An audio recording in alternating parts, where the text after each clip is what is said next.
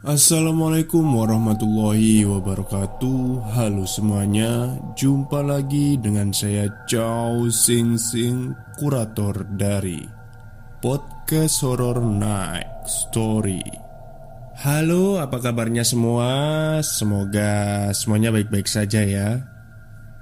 Dan seperti biasanya Pada malam hari ini saya kembali dan akan menceritakan sebuah kisah mistis untuk kalian semua. Kisah mistis kali ini datang lagi dari Mas Bromo Cora yang dulu pernah menceritakan tentang kejadian-kejadian seram yang dialaminya sewaktu masih mondok. Kali ini berbeda. Mas Bromo Cora ternyata sudah menikah dan sudah punya anak pertama ya. Dan ini adalah kisah horor yang dialaminya sewaktu masih persalinan anak pertamanya. Seperti apa kisahnya? Mari kita simak. Kejadian ini terjadi sekitar tahun 2013 Tepatnya bulan Juli Rabu malam Kamis Setelah saya selesai melaksanakan sholat maghrib Istri saya tiba-tiba merasakan mules. Karena memang sudah bulannya. Mungkin ini waktunya untuk melahirkan. Saya pun bergegas menyiapkan sepeda motor andalan saya Untuk segera membawanya ke bidan terdekat. Sebelum berangkat Saya pun bertanya kepada istri saya Naik motor aja ya, nggak apa-apa kan? Karena memang kendaraan roda empat saya tak punya Setibanya di klinik bidan, saya pun langsung memencet bel yang ada di depan pintu klinik itu. Dan ketika pintu dibuka, ada dua perempuan yang menyambut kedatangan kami. Alhamdulillah, istri saya pun segera ditangani. Kedua orang perempuan itu tampaknya mungkin mahasiswa kebidanan yang sedang magang. Saya tak sempat memperhatikannya karena masih fokus ke istri saya. Ketika kondisi istri saya agak sedikit membaik, saya diberitahu bahwa istri saya baru pembukaan kedua, dan saya pun gak ngerti maksudnya apa itu. Lalu saya bertanya, "Bidanya ke mana, Mbak?" Salah satu dari mahasiswa kebidanan itu menjawab, Bu Bidan ada kok pak. Sedang sholat dulu. Alhamdulillah kataku dalam hati. Kemudian aku pun tak lupa memberi kabar Ke sanak saudara untuk meminta doa Agar persalinan istri saya lancar. Ketika hendak menanyakan keadaan istri saya Saya dikagetkan dengan tatapan sinis Dari salah satu mahasiswa bidan itu Sambil bertanya Lahiran anak pertama ya? Dalam hati Mampus di aku. Ini kan si Indri Mantan pacar waktu SMA Iya Indri Tolong ya jawab saya Karena tadi saya sangat fokus dengan keadaan istri saya Jadi nggak sempat memperhatikan kalau itu kamu. Tak lama teman-teman saya pun berdatangan Maklumlah, kalau di kampung, kalau ada yang melahirkan, pasti bakalan rame karena hitung-hitung nemenin saya. Kalau-kalau ada kebutuhan penting saat lahiran, kala itu teman saya yang datang ada empat orang. Sebut saja namanya Andri, Reza, Kiki, dan Bambang. Mereka saya suruh supaya nunggu di depan saja dan kebetulan di depan klinik itu ada semacam saung gazebo. Sekitar jam 11 malam Mertua saya pun datang. Kemudian saya disuruh untuk istirahat dulu. Gantian katanya.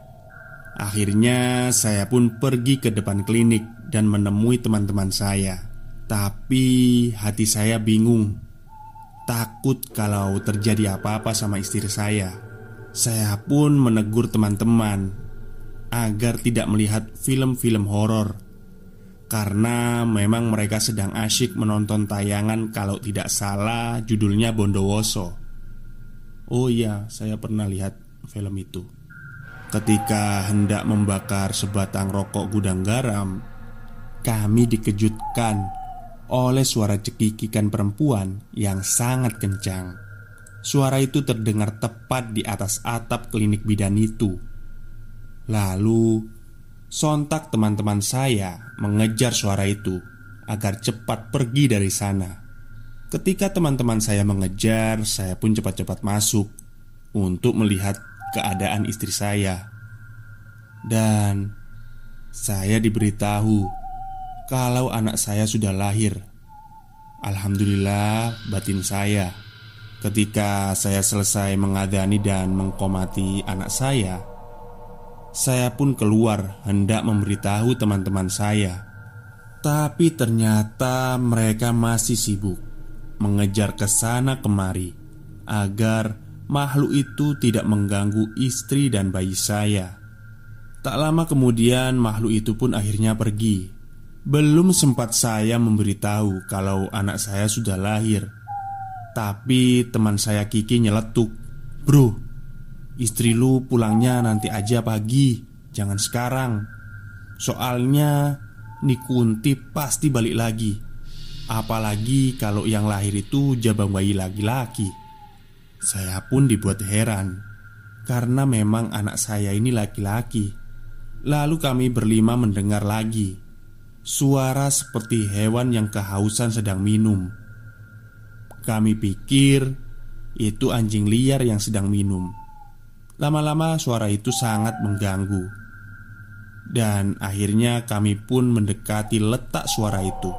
Ternyata yang minum bukan anjing Melainkan kuntilanak merah Yang sedang menjilati sisa darah yang mengalir dari comberan Yang memang aliran pembuangan itu dari ruang persalinan langsung menuju comberan itu Sontak kami pun langsung melempar makhluk itu dengan batu dan benda apa saja yang ada di sekitar kami. Alhamdulillah, makhluk itu segera pergi. Oh, jadi kalau ada kuntilanak itu lempar aja, gak usah takut. Selang 30 menit adzan subuh pun berkumandang. Sekian cerita dari saya. Dan tak lupa saya minta doanya pula kepada kawan-kawan subscriber podcast Horror Next Story.